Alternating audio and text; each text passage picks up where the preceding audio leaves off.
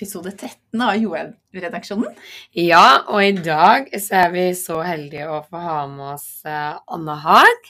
Ja, og jeg er supernysgjerrig på å høre om eh, hennes bakgrunn og at eh, hennes interesse for kvinners helse og trening og den riktige balansen i livet.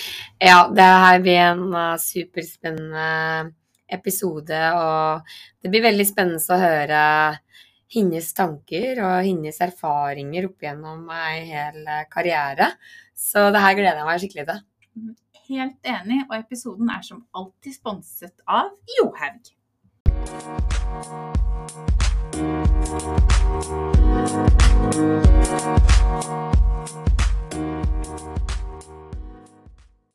Velkommen til Johaug-redaksjonen, Anna Haag. Tusen takk for det. Det er en eh, stor ære for oss å få ha deg som gjest i eh, Joav-redaksjonen. Og det er jo en podkast som vi til nå har hatt eh, noen gjester. Ehm, og de gjestene vi har hatt, de er kvinnelige personligheter som vi ser på som sterke, og som vi har lyst til å bli litt bedre kjent med. Så du sto definitivt på toppen av listen. Og så er du i tillegg god venninne med Therese, som ehm, som eh, også nå er en del av JØ-redaksjonen. Ja, jeg syns det er skikkelig kult at du har lyst til å være med på den podkasten her, Anna. Vi har jo kjent hverandre sikkert i 15 år, liksom. Eh, og har delt både opp- og nedturer i, i skisporet. Så ja, digge deg for den jenta du er og det du står for. Og veldig interessert i å høre litt uh, hva du gjør i dag, og ja, hvordan livet, livet ditt er, da. Ja, ja, men jag tror, alltså, vi har ju som du sa Therese, verkligen följt karriären. Du kom in och började tävla något år tidigare men, eh, än mig. Men vi vet ju båda vad en elitkarriär har med sig, både medgång och motgång. Och jag minns så väl att du sa en gång att det är så viktigt att förstå att ens prestationer inte är en en definition för, på vem man är som människa. Mm, mm. Och det har jag tagit med mig väldigt mycket och jag har också tänkt på det i efterhand att det är någonting som är så otroligt viktigt att kommunicera till unga. Ja. Um, så ja, det här ska bli väldigt roligt att bara få grotta ner sig lite i våra tankar kring prestation och livet och, och, och människan bakom prestationerna. Ja, jag tror akkurat det du säger nu som kanske dere relaterar till eh, toppidretten er jo ting som man også kan kjenne, for meg da, som ikke er noen mm. toppidrettsutøver, men som man kan kjenne igjen i livet. At man er jo ikke definert ut ifra prestasjonene verken på hjemmebane eller på jobb eller blant mm. venner. Um, så det er jo litt viktig å ha med seg. Jeg synes det er et utrolig viktig tema. Ja, altså absolutt. Jeg tror på en måte at en ting er liksom å sitte og si det, men liksom når du er i den gitte situasjonen, det er jo liksom litt kjent på sjøl òg, at den treninga eller jobben blir jo fort knytta òg mot det en gjør. Så jeg liksom tenker at det er ekstra viktig at han tenker over det, og at han har det liksom mentalt i huet at men, om jeg går et dårlig skirenn, så, så, er du lei deg der og da, men det vil jo ikke si at du er mislykka. Eh, for det, altså Tenk på alle de sterke sidene og det du står for inni deg, og det du har fått til. Og det kommer jo hele tida nye sjanser til å bevise det, da. Og på en måte heller bruke det mer som en sånn motivasjon. Mm. Men jeg tror det er viktig at han på en måte bevisst eh, sier det til seg sjøl i huet. Fordi det er veldig fort gjort liksom, når han er litt nedfor, at han bare begynner å grave seg sjøl lenger og lenger ned. Da. Får ikke til noen ting ja. her i livet. Ja, men, ja, men det är exakt så. Jag, jag tror det är också en viktig påminnelse som du säger Therese, att att unga idrottare eh, får med sig att eh, vi behöver liksom delge lite av den erfarenheten vi har, har med oss. Eh, och jag tror att det behöver inte vara unga tjejer eller killar på elitnivå, utan det handlar liksom om, om vardagen i stort. Att det handlar inte om att få flest likes på Instagram eller prestera bäst, utan du är fortfarande värd som människa oavsett dina prestationer. Ja, det är helt sant. Men Hvem er egentlig Anna Haag i dag? Ja, vem är jag? Jag är samma, jag är samma naiva, otroligt envisa, eh, positiva, eh, optimistiska människa eh, som jag nog alltid har varit. Och det är väl lite därför jag eh, på gott och ont råkar hamna i situationer där jag känner bara det här blir hur bra som helst och så gasar jag på och sen så blir det lite krock och sen så väljer jag en annan. eh, jag är väldigt impulsiv eh, och jag har mycket liksom energi som jag vill lägga på saker och förut la man ju all den energin på skidåkningen. Eh, och jag, jag, liksom, jag fortsatte med skidåkningen så länge jag kände att det var värt att lägga den Mm. energin. Men jag kom till en punkt under min karriär där jag kände att jag la ner så mycket av mig själv, min energi, min, min vilja, mitt liv i skidåkningen och den gav mig inte de resultaten jag ville. Mm. Och då kände jag liksom över en natt att nej, men nu är jag färdig med det här. Eh, alltså längdskidåkningen och OS och VM är inte värd den här energin när jag inte får de resultaten jag vill. Mm. Ehm, så då avslutade jag min karriär 2018. Ehm, och sen eh, fick jag ju som jag och Therese vi var inne på lite här eh, just före, före vi körde igång att, att gå från en elitkarriär med väldigt eh, styrda dagar där du vet vad varje dag förväntas att du ska uppfylla, du har en träningsplanering, du har de stora målen till att ha en vardag där det fanns absolut ingen riktning. Eh, jag tackade ja till allt. Jag åkte på spontana weekendresor till alla möjliga ställen. Vi gifte oss, jag och min man, eh, drog på roadtrip eh, åkte till eh, Kina och allt det här var på tre månader efter jag hade slutat. Alltså, jag! Alltså jag tryckte in, liksom, jag tryckte in livet som jag inte hade, liksom saker jag inte hade gjort under min 15 år långa karriär, tryckte in på tre månader. Och sen så åkte jag hem till vänner för att vi skulle liksom fortsätta det här roliga livet, drack champagne på kvällen och drack tre klunkar och bara kände att wow, vänta nu, nu har det gått lite för fort här. Ja. Eh, så att, eh, jag fick även känna på hur det kändes att liksom verkligen behöva bromsa upp saker. Ja. Eh, och det där var supernyttigt för då fick jag liksom värdera lite. Okej, vad vill jag fylla mitt liv med nu? Eh, vem är Anna Jönsson Hag utan skidåkningen och liksom den här platsen i den vita dräkten och representera Sverige? Mm. Eh, och jag, jag, var ju, alltså jag var ju helt säker på att jag skulle sluta med skidåkningen och sen skulle jag flytta till Stockholm. Jag skulle ha kostym och höga klackar, springa runt på möten och vara värsta viktig människa. Liksom, göra ja, men så stordåd inom bransch, ingen aning. Jag skulle bara vara snygg och ha höga klackar. Och, ingen roll. Ingen roll, bara jag kan göra det. Skal bare leve livet, du! Ja. Och så, så insåg jag någonstans att men du, vänta nu. Det här med träning och hälsa och välmående. Det är ju liksom mitt kall. Det är det jag brinner för. Jag vill få människor att må bra genom träningen. Eh, och jag fick också den här känslan där och då att vanliga, som vi säger inom situationstecken, icke-elitidrottare hade bilden av att träning eh, skulle handla om att pressa sig till max. Mm. Det skulle vara antingen en Ironman eller du skulle satsa på att vara med i Crossfit Games. Mm. Eh, eller du skulle liksom, ja men det skulle vara all in på någonting och du skulle ha en strikt diet, du skulle ha en rippad kropp. Eh, du skulle liksom inte ta ett glas vin till middagen och fy för den som tog en godis på helgen. Liksom. Ja. Och jag bara kände så här, men vänta nu, det här, det här är inte det jag trodde ett vanligt liv innehåller. Jag kommer liksom från en elitkarriär där jag tycker vi har levt ganska strikt med Mm. Eh, man har haft eh, vad man behöver få i sig för att du ska må bra, optimera, på, eh, optimera kroppen för att du ska kunna orka, du ska kunna ta till träningen. Eh, man har druckit ett glas vin för att fira, man har Mm. ätit godis under träningsåret för att du vet att du måste få i dig mer energi. Vi har haft långa, lugna pass där vi snackat skit i oändlighet och pulsen Mm. har man struntat i och vi har haft de här hårda passen. Mm. Men helt plötsligt så skulle det bli bara det här liksom delen som var kanske den mindre roliga av idrotten, där Mm. allting skulle vara perfekt. Och då kände jag att nej men här måste jag göra någonting. Mm. Jag som liksom har den här erfarenheten, jag måste kommunicera ut vad träning egentligen är. Att träning handlar inte om att vara perfekt eller optimera. Träning handlar om en livsstil, om att prioritera sig själv för att må bra. Och sen om man har mål eller riktning med träningen, fine, det är, det är väl jätte, Mm. jättebra. Men det handlar inte om att liksom bli, vad ska man säga, jag saknar liksom ett ord för det, men att allting ska vara så himla perfekt. Mm. Mm. Mm. Utan det är liksom, det är en del av livet och livet kan inte vara perfekt på alla plan. Eh, så det är liksom mitt kall just nu. Eh, och två små barn. Ja. Ja.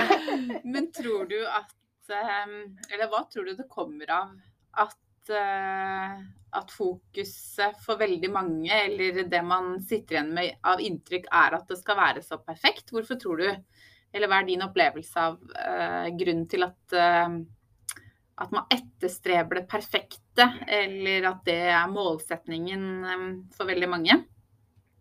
Alltså jag tror det finns många anledningar till det, men jag tror ju såklart en del är vad som sprids via de sociala medierna. Mm. Att man delar bara det perfekta, man delar kanske de hårdaste träningspassen man har gjort, man delar när man har satt ett eh, personbästa i, i styrkelyft eller löpning eller vad det nu kan vara.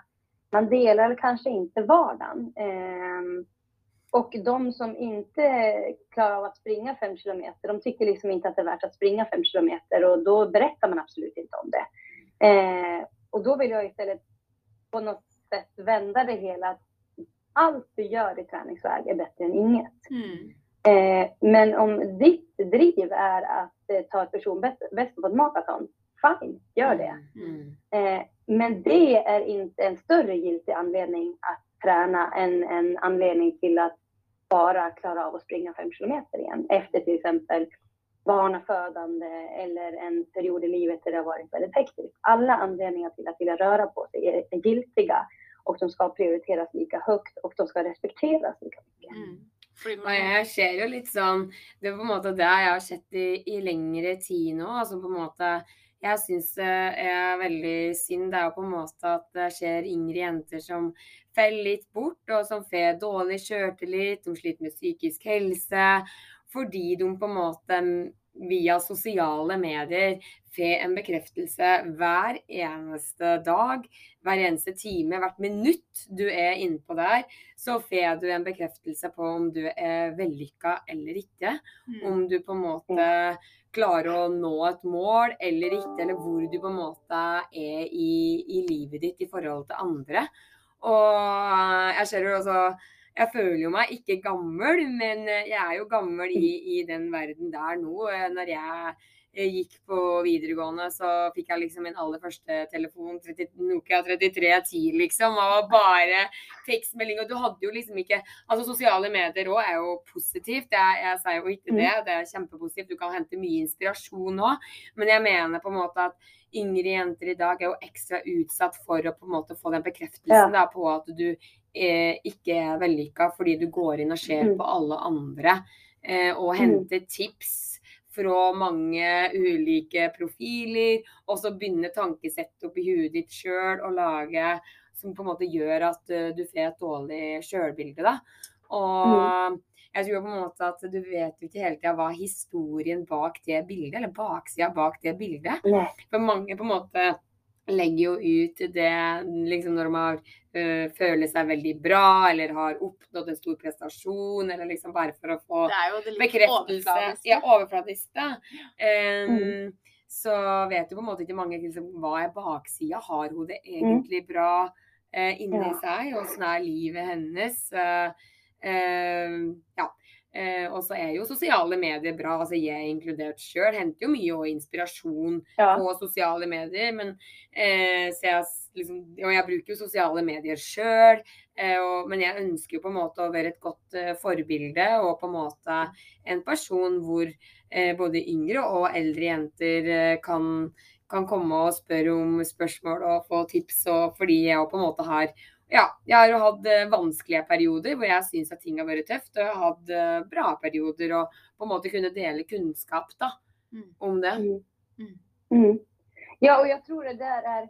ehm, det, det har ju blivit eh, ett otroligt intresse för träning, för hälsa, för, eh, för det fysiska välmåendet och det delas ivrigt. Ehm, och det finns liksom inget sätt att verifiera kunskapen bakom det som sprids.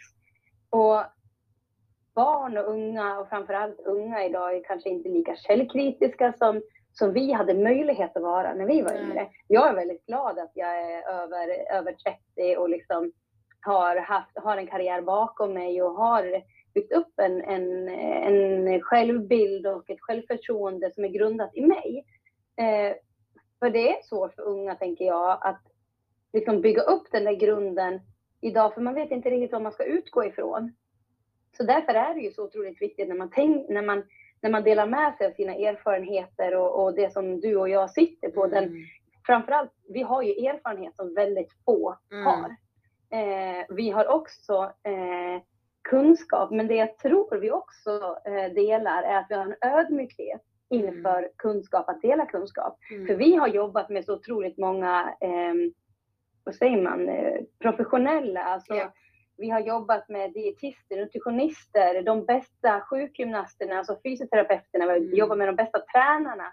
Vi Mm. har haft ett, liksom ett, ett skyddsnät runt omkring oss där vi har kunnat vända oss till alla för att Mm. få den bästa hjälpen. Mm. Och det har gjort att vi har lärt oss otroligt mycket. Mm. Men vi är ju, och, och våra sidor, väldigt försiktiga kanske med att dela, dela med oss av det som vi har fått eh, sagt till oss. För vi vill ju Mm. dela med oss av det vi själva har fått upplevt. Mm. Jag tror att även vi ska bli tryggare att dela med oss av det vi har fått lära genom andra. Ja. För att det är, det är också kompetens och kunskap som vi behöver sprida till de unga idag. Mm. Och till de som är i vår egen ålder. Mm. Ja.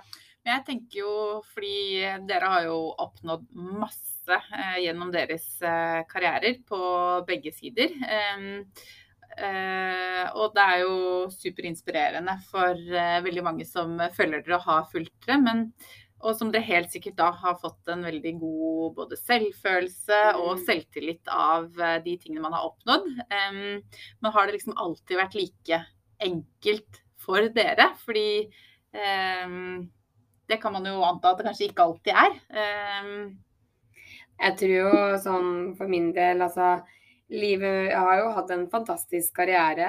Ehm, men eh, jeg har òg opplevd eh, å ha det skikkelig dårlig, og der jeg på en måte òg har mista treningslysta helt. Og ja, det å bli setta utafor eh, under eh, dopingutestengelsen og følte meg veldig liten og for meg sjøl og ja, det var en veldig sånn mental påkjenning i, i de åra. Eh, men samtidig så lærte jeg å kjenne meg sjøl veldig godt, da.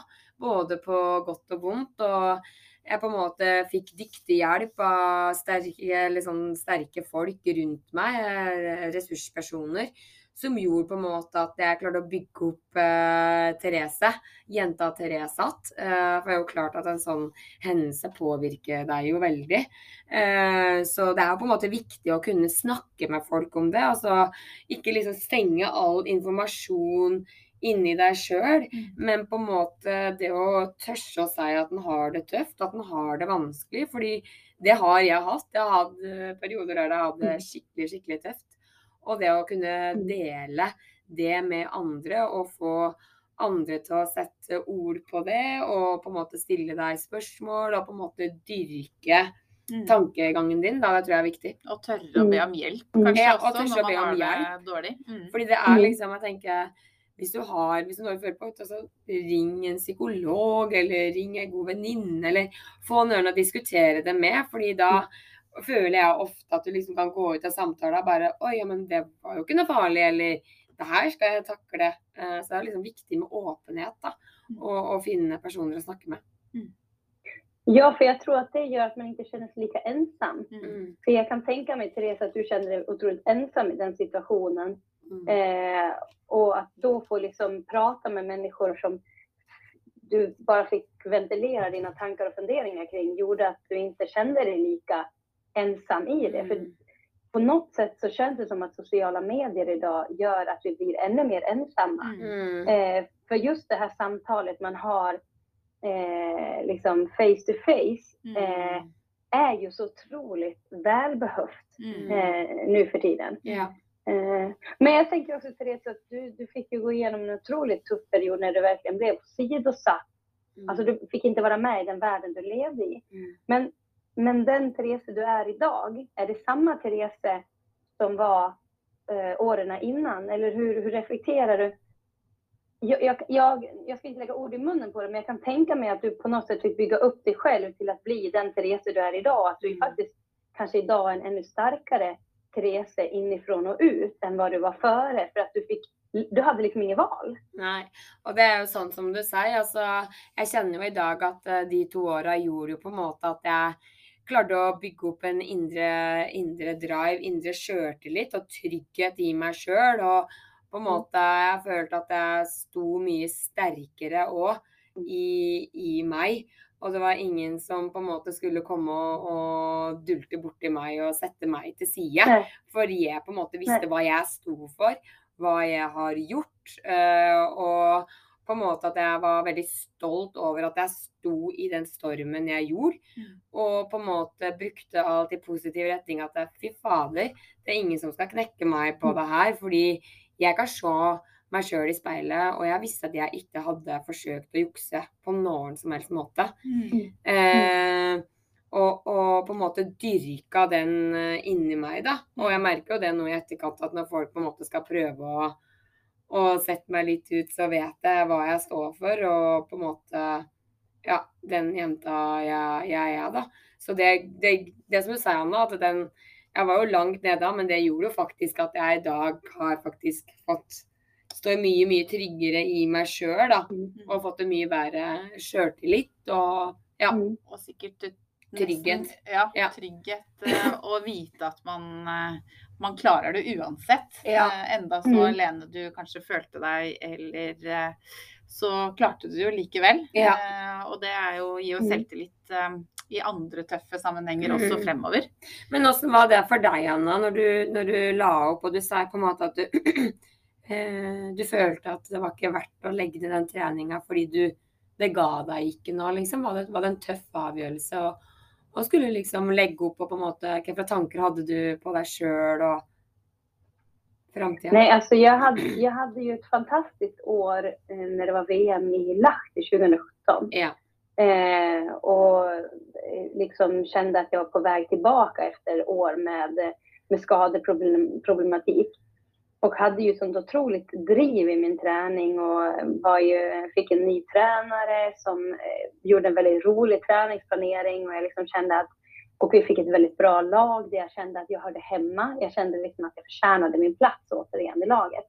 Och så var det ett OS-år och jag har ju alltid tyckt att OS är något väldigt speciellt. Och jag var otroligt stark under sommaren men sen liksom eh, har jag ju den här egenskapen att jag är ganska svårt att lyssna på andra och tror jag på någonting så kör jag all in. Och jag vet att jag, liksom, jag tränade ju över en månad i, i, i sträck utan vila eh, inför säsongen och jag tyckte liksom jag är så jäkla stark, det här går så bra.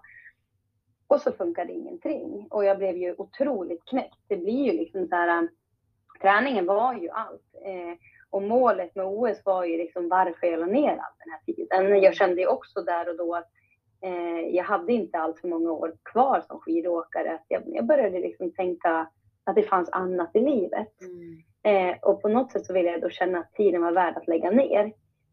Så det var en, eh, det var en väldigt tuff period för jag, eh, jag kom precis med till OS i den sista uttagningen och i och med att jag gjorde det så blev jag, eh, stannade jag på höjden.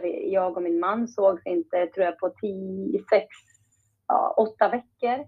Eh, han missade OS precis. Eh, så jag var liksom själv i, OS, eh, i OS-byn och hade en kropp som inte alls fungerade. Eh, intervallerna gick jättebra men kroppen funkade inte alls. Och när man är i det lilla, den lilla världen som man är i när man är elitidrottare så är ju det allt. Och när jag kände att, jag vet Marit typ gick i mål på tre milen medan jag gick ut på mitt sista varv och det var ju liksom bara så här ridån ner. Mm. Alltså vad är det som händer? Så här dålig är inte jag. Och jag stod och fick stå till svars för frågor i, i media varför jag hade tagit den platsen och varför jag skulle åka de där tävlingarna. Så det är klart att då försvann lite glädjen till det här Mm. också. Så beslutet var inte så svårt att ta. Det som var det luriga för mig var ju att jag fortfarande älskade att träna så mycket. Mm. Eh, och då var det liksom, ja men hur, hur ska vardagen se ut? Jag tyckte liksom inte att, jag tyckte inte att det var roligt längre helt enkelt Mm. med att re- representera Sverige och försöka åka OS och VM och att, att det hade blivit för mycket på andras premisser än mina egna. Eh, och jag tycker ju så här med, med facit i hand nu fyra år senare, jag tog helt rätt beslut som slutade. Eh, Men jag skulle nog också ha liksom, eh, jag, jag, jag kände själv när jag slutade att då var det liksom förväntat att jag skulle sluta. Alltså när man slutar som skidåkare så slutar man. Man lägger skidorna på hyllan och så gör man annat. Eh, jag skulle på något sätt, jag sa ju ganska tidigt då tyckte jag själv att ja, men jag lägger landslagsdräkten på hyllan men jag kommer vilja fortsätta tävla.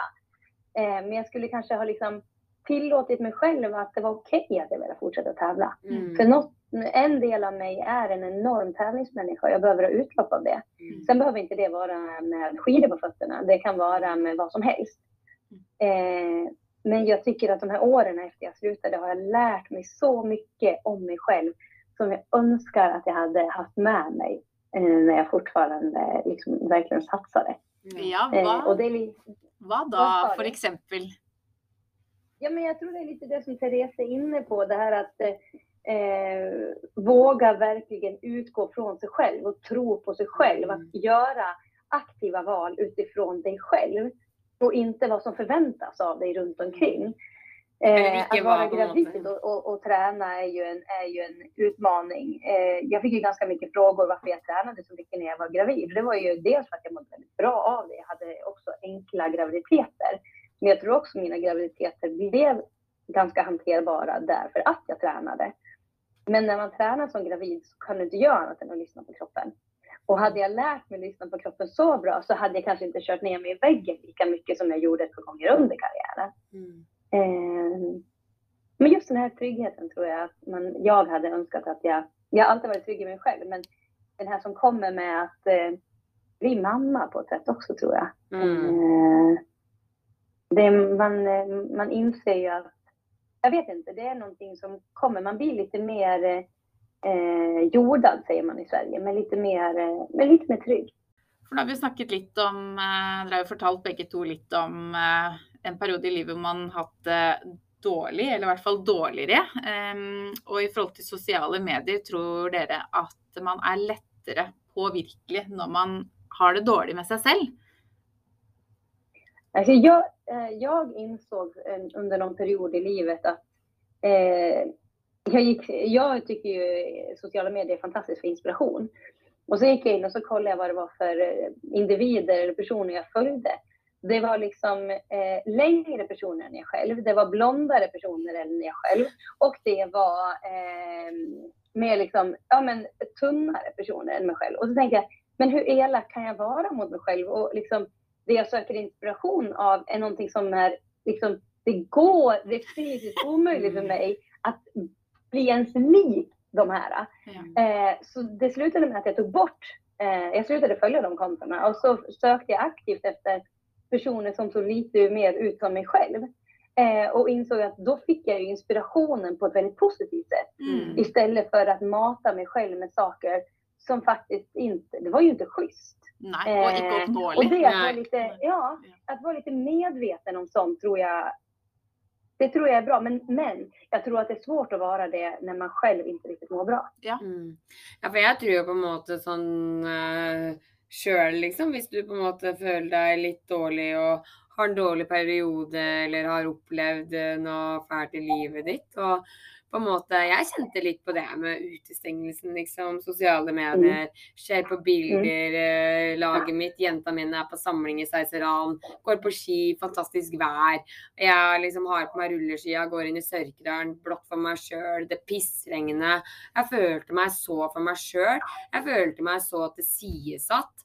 Jeg følte at jeg ikke fikk lov til å være sammen med vennene mine. Mm. Jeg var livredd for å bli observert på et idrettsarrangement for at det skulle gjøre at straffa mi ble lenger. Mm. Altså, da, da kjente jeg på en litt sånn Jeg måtte nesten legge bort sosiale medier, fordi jeg mm. følte at bare det her er ikke bra for meg. Og det bekrefter jo den dårlige følelsen du sitter ja. med. Eh, det bare bygger jo opp under den når man ser alle de tingene som man egentlig føler på. Så, mm. så gir det jo en, eh, ja, en, enda dårligere følelse. Ja, så da liksom når jeg var på mitt verste, så kjente jeg liksom bare at, det bare, at jeg ikke hadde det bra med meg sjøl, og liksom følte at jeg var utafor, da. Mm. Og, og, det, mm. og det tror jeg på en måte det sosiale medier er i dag òg. At uh, alle jenter og gutter får jo liksom en bekreftelse på om du er med i vennegjengen eller ikke. Oi, de er på tur dit, hvorfor kan ikke jeg få lov til å være med? Jeg sitter hjemme. Mm. Så, det gjør jo på en måte at han blir veldig lei seg, og på en måte Ja. føler at han ikke kan være en del av, av den gjengen eller den treningsgruppa, eller at han ikke har fått den invitasjonen. Mm. Eh, så jeg skjønner liksom at det er veldig vanskelig for, for yngre folk. Og det var vanskelig for meg. Jeg var Ja. 26-27 jeg, og, Ja. og kjente på det samme. Så det er veldig lov å kjenne på, på den. Men jeg tror på en måte at det er viktig at eh, folk òg tenker på at eh, du er ikke noe dårligere verdt. Altså Du må stå for Nei. dine kvaliteter, og du er en så fantastisk flott jente. Eh, eller gutt, selv om du ikke er med i den gruppa. Eller dyrk dine sider og hva du står for, tenker jeg. Mm. Um, ja. er veldig Jeg hadde, eller har en bekjent som, eh, som eh, jeg virkelig beundrer for eh, selvtilliten og for hvordan han møter mennesker. Da. Eh, og han, eh, når han var liten, så har vi snakket om eh, nå liksom de senere, eller den senere tiden, hvor eh, jeg, hvis jeg ikke fikk være med i en gjeng, så følte jeg meg veldig dårlig og utafor, som du sier. Mens han sa sånn, sa han bare ja, ja, men eh, hvorfor, eh, altså, hvorfor skal jeg føle meg dårlig av det? De kjenner meg ikke. Altså, han tenkte liksom at det er jo ikke noe gærent med meg, de, bare, de kjenner meg jo ikke, liksom. Og det tenker jeg er jo en helt fantastisk eh, innstilling. At eh, da går du ikke deg selv og tenker på hva som er galt med deg selv, men du tenker på ja, da er det de som er dumme, for de kjenner jo ikke Mm. meg og vet jo ikke hvor kul jeg er egentlig. Det er Mm. de som går glipp av, de som går glipp av meg. Jeg syns det er en veldig fin innstilling til eh, Ja, och det, för det är det jag tänker lite utmaningen. Hur får man liksom, hur får man unga att förstå, att öppna upp ögonen för att inse att okej, nu är inte det här bra för mig att eh, ta den här inspirationen Mm. eller eh, vara här. Jag är, inte, jag är inte i det läget att det blir en positiv eh, Mm. inspiration för mig, utan det blir istället något negativt. Eh, det är ju en jättesvår nöt att knäcka, att komma på hur, hur man går tillväga för att låta det vara en miljö som inspirerar och delger kunskap och får en själv att... För det vi vill, Therese, det är Mm. egentligen att, att boosta unga till att bli Ja. trygga i sig själva. Ja. Det är det som är, eller unga och, och kvinnor och män i, i Mm. vår egen ålder. Det är ju liksom det som är målsättningen. Att hitta sitt sätt att, att må bra oavsett vad det är. Eh, men det som är det luriga är ju att få, eh, få dem att, att göra det på rätt sätt och att Mm. ta saker på rätt sätt. Det är det som är Mm. utmaningen. Og jeg tror jo på måte det med, med, med fysisk trening, da, og på Mm. måte en- at eh, folk òg vil føle seg litt bedre hvis de på en måte har på seg joggeskoa, starter dagen og jogger i 20 minutter. Altså, jeg tror på en Mm. Måte at folk må ikke tenke at trening eh, skal være så avansert. og bare sånn, nei, Eller så ha- mye. eller så mye, eller på en måte at de har veldig sånn mye fasiliteter rundt seg. Det er veldig lite som skal til. Altså det er bare nok med et par joggesko eller en sykkel, eller bare start, start dagen med å gå til jobb, eller sykle til jobb, eller ta en kvarter løpetur. Og jeg tror på en måte at den, eh, de, den derre overskuddet og de der endrofinene i kroppen liksom bare popper det opp og gjør at du får så mye energi, da. Og bare gjør at du òg føler deg så mye bedre gjennom hele dagen, eller etter en lang arbeidsdag. Du er egentlig kjempekje og sliten og har lyst til å reise hjem, men bare kunne liksom ha på seg og ta en liten treningsøkt på et kvarter eller 20 minutter bare for å få litt frisk luft. Altså sånn, Ja. Det skal ikke folk eh, undervurdere. Og det kjente jeg veldig godt sjøl når, når på en måte jeg har hatt noen tyngre perioder og, og liksom mista litt den treningslysta. Altså det å bare komme ut og bare være ute. Hvor mye liksom Mm. frisk luft gjorde med energien da, og aktivitet Og det eh, gjør. mentale. Mentale, ja. Mm. For hva gjør dere Ja, det dere har en dårlig dag? Nej men alltså det är ju som små, alltså jag, min yngsta är ju nio månader och min äldsta är två och ett halvt och jag har fortfarande, alltså som i natt var jag uppe vid ett och blev väckt vid fyra. Alltså om man går och lägger sig, jag går ändå och lägger mig före tio för att få mina timmars sömn. Men man är ju liksom, man skulle ju önska man hade tändstickor i ögonen när man vaknar och liksom få en injektion med energi. Eh, för att bara så här, jag måste bara klara den här dagen. Och då är ju lösningen för mig, det är ju motion. Det är ju, mm, jag ska inte säga alltid frisk luft, för ibland räcker det att jag, vi har ett gym hemma, att jag går ner och lyfter lite tungt en stund. Mm. Eh, men i morse så stoppade jag ner eh, yngsta grabben i en helt vanlig vagn. Det var inte ens en löpvagn, för den hade jag inte med mig, utan det var en sån där skramlig cityvagn. Och sprang en runda. Det tog mig till en backe och körde några ruscher och blev, fick lite mjölksyra. Och bara kände när jag sprang därifrån att idéerna bara sprutade vad jag skulle hitta på, vad jag ska göra höst. Alltså, det var verkligen så här exakt vad jag behövde. Mm. Och det har jag ju... Jag, jag, jag, tror inte att jag fattade riktigt grejen med, med träning och endorfiner förrän jag slutade. Alltså, mm. Eh, för förut hade man dem lite hela tiden. Nu liksom märker jag vad de gör för min livskvalitet, både mm. fysiskt men framförallt psykiskt. Alltså. Ja. Jag blir så sjukt mycket bättre mamma, fru och bara så här, människa av att mm. Eh, ge mig den här tiden. Mm. Ja, och så snackade vi lite för vi startade om också det att tillpassa till kanske till dagsform. Då. Det trenger ju inte alltid vara så tungt eller hårt eller länge. Eh, fordi Nej. som du säger att de nätterna hvor du sover dåligt så kanske det håller med lite roligare ökt. Eller kanske man bara går en tur. Eller Exakt. bara man gör något. Eh, ja. så, men det också liksom tillåta sig till att tillpassa så inte det blir en dålig samvittighet. Om man mm. inte får det till då, eller om man inte får till så mycket eller så tungt. Ja, ja. Men jag tror alltså Eh, att bli mamma brukar många säga, det handlar om att få känna på vad dåligt samvete är. Mm. Eh, och jag tycker liksom, jag har fått känna på det, men det är så sjukt onödigt. Mm. För att det dåliga samvetet sätter bara igång en ond spiral. Det är bättre bara att acceptera läget. Okej, okay, jag har sovit dåligt i natt. Jag är hur trött som helst och jag är lite grinig mot mina barn nu. Fine, liksom. Men jag kan göra mitt yttersta för att det ska bli en bättre dag. Mm. Eh, och om jag hade då planerat, i och med att jag har åkt lite långlopp i vinter, så var det ju, fanns det ju anledning att jag skulle köra stakintervaller någon dag eller att jag skulle köra ett långpass. Och sen ja, har jag haft en skitnatt och eh, jag kommer liksom inte få till det här idag. Istället då för att känna stressen att det inte går så tänker jag allt är bättre än inget. Okej, okay, vad gör jag idag?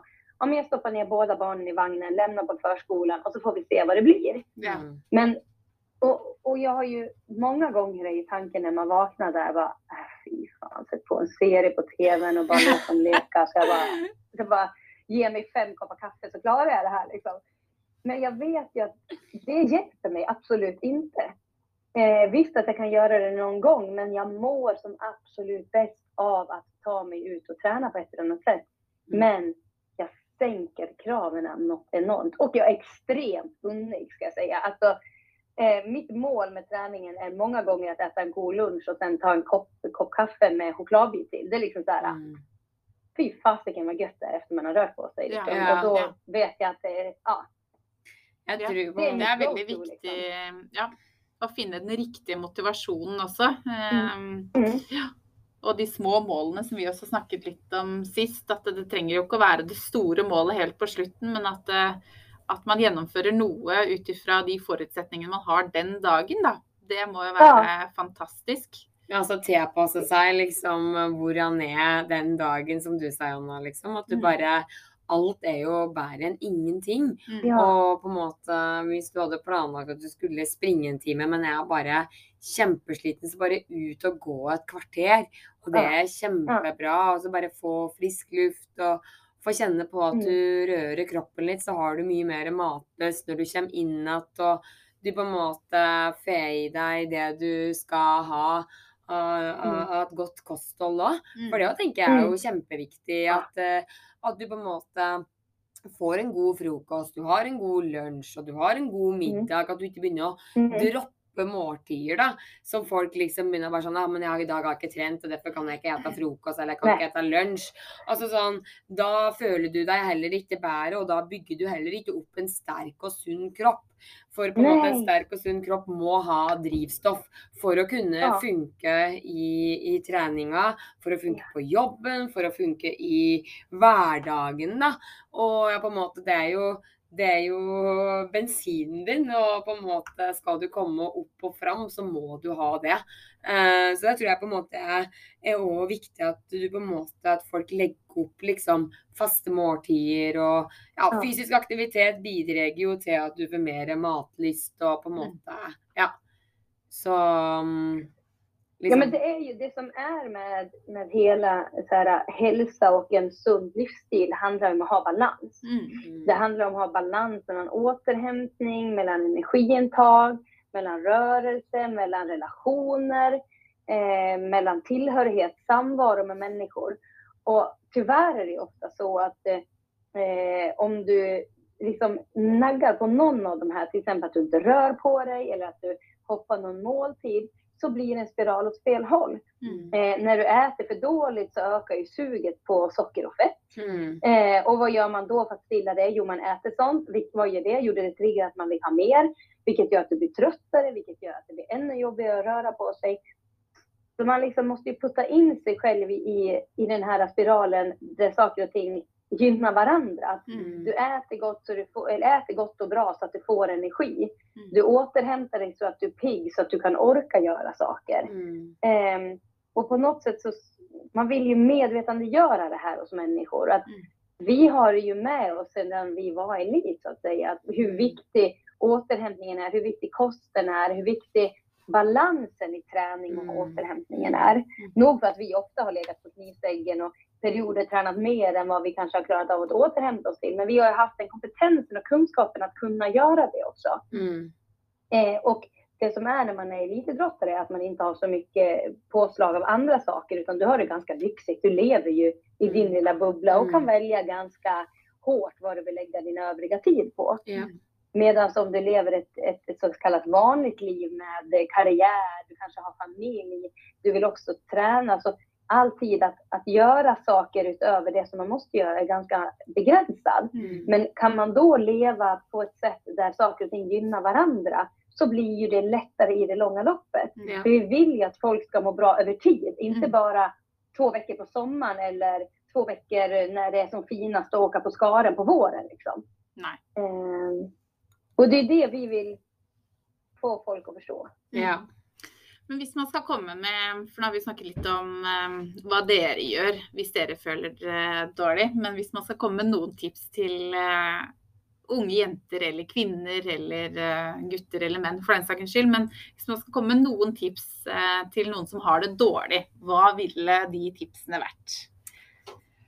Åh, eh, jeg tror litt sånn som det ja, jeg har erfart sjøl, og det for Anna har, har erfart òg. Liksom, det med sosiale medier og på en måte kunne liksom kunne enten bare logge litt av, eh, og på en måte knytte deg til heller mer fysiske møter med venner og, og, og familie som eh, er glad i deg, og som på en måte eh, dyrker dine sterke sider.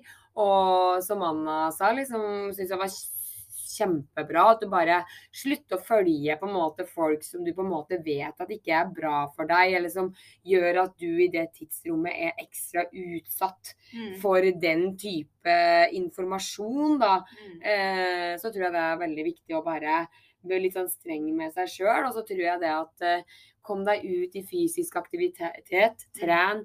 Og jeg bare jeg bare vet med meg sjøl hvor mye det gir meg, og som Anna sa, hvor mye det gir henne. Mm. Og bare være Mm. ute. Og det trenger ikke være så mye. Senk krava dine. Altså alt er bedre enn ingenting, Mm. tenker jeg da. Mm. Mm. Mm. Mm. Ja, och lite det som du också var inne på, att hitta ett sammanhang, Mm. tänker jag.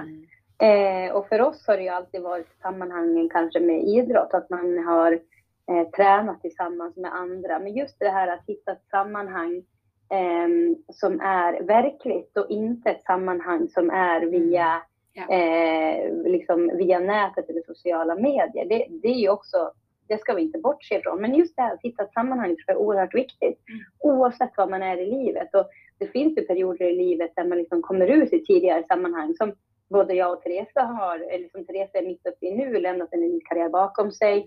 Jag har lämnat en elitkarriär, jag har liksom småbarn eh, och ska gå över i, i den fasen, i mitt mellan allting, vilket är mitt sammanhang.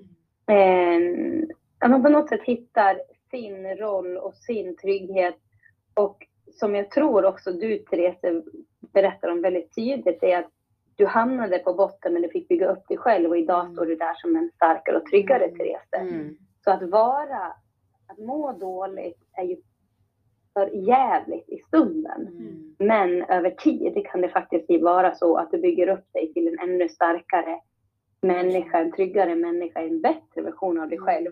Som kanske kan vara lite mer kraft att du inte hamnar i den situationen i framtiden. Utan det här behöver jag för att må bra. Mm. Ja, og så i tillegg så er det jo kanskje det å vite at det blir bedre. Eh, selv om det Ja. føles utrolig håpløst og dårlig ut. Akkurat nå Mm. så blir det bedre. Det kan ta tid, men det blir Mm. bedre med tid og stund. Og Mm. at det ikke er flaut å søke hjelp. Snakk med Nei. noen, eller eh, som du sier, ring en venn, eller oppsøk det. Oppsøke Mm. et eh, treningssenter eller et miljø eller noe annet sosialt. em, og få hjelp, fordi ofte så Mm. kan jo det være liksom akkurat det som gir deg en liten push for Ja. å og kanskje søke andre veier, eller se, få nye impulser, eller hente annen Ja. motivasjon eller inspirasjon. Mm. Verkligen. Supert. Men tusen hjertelig takk for at du ville dele av deg med all din kunnskap. Og du har også skrevet bok, Anne, har du ikke det? Jo, och den är lite just det, eh, den heter Lev, njut, träna. Lite för att jag vill att det är så man prioriterar livet. Man ska leva, man ska njuta och så tränar vi lite. Ja. Eh, Den att det ska vara lite balansen. lagom. Ja. Ja, exakt. Balansen i livet. Att träningen, målet med träning behöver inte vara den där Ironmanen eller Crossfit Games. Det kan vara en, en öl på kvällen om man inte tycker om det, som jag absolut inte gör. Men jag tycker om choklad och goda middagar. Ja. Att eh, det är målet med ganska många träningspass. Att bara, vi lever ju en gång och då ska man passa på att njuta av det. Men jag tycker träning är en stor del av det livet. Och det har vi liksom försökt pränta ner i en bok. Det spennende. så spennende og så interessant. Så ja, jeg må da kanskje anbefale litt grann til å, å, å lese den boka. Jeg skal i hvert fall. Ja, det, jeg skal gjøre det sjøl. Jeg har ikke fått gjort det. Men jeg syns Anna er inne på så mye viktig der. For eh, vi har faktisk ett liv, Ja. og det lever vi nå. Og da er det viktig å nyte det. Og jeg tror på en måte at med, med trening eh, og gjør at eh, ja, livet ditt blir mye bedre, og at du føler deg bedre, da. Enig. Mm. Tusen takk for i dag, Anne. Ja, det var veldig hyggelig. Ja, tack själv. Det, det finns så mycket att säga. Det är väldigt, väldigt roligt. Så interessant det var å snakke med Anna. Ja, det var skikkelig inspirerende å høre liksom ulike valg hun har tatt eh, gjennom eh, karriere, og ikke minst etter karriere. Og hva som driver henne nå, og motivasjonen hennes. Det ble jeg i hvert fall veldig inspirert og motivert av. Mm, jeg òg. Eh, episoden er jo som alltid sponset av Johaug. Og hvis eh, dere har lyst til å gå inn og rate oss på five star rating, så blir vi veldig glad for det. Ja, det blir vi veldig, veldig glad for. Og så eh, er det bare å sende melding eller mail på, på johaug.com eh, om både ris og ros, eh, om det er temaer dere vil at vi skal snakke om, eller personer dere ønsker at vi skal, skal prate med. Så her eh, tar vi imot alt sammen. Ja, eh, og da bruker dere johavredaksjonen at johaug.com for det. Ja. Så gleder vi oss til neste uke. Å ja, det gjør vi.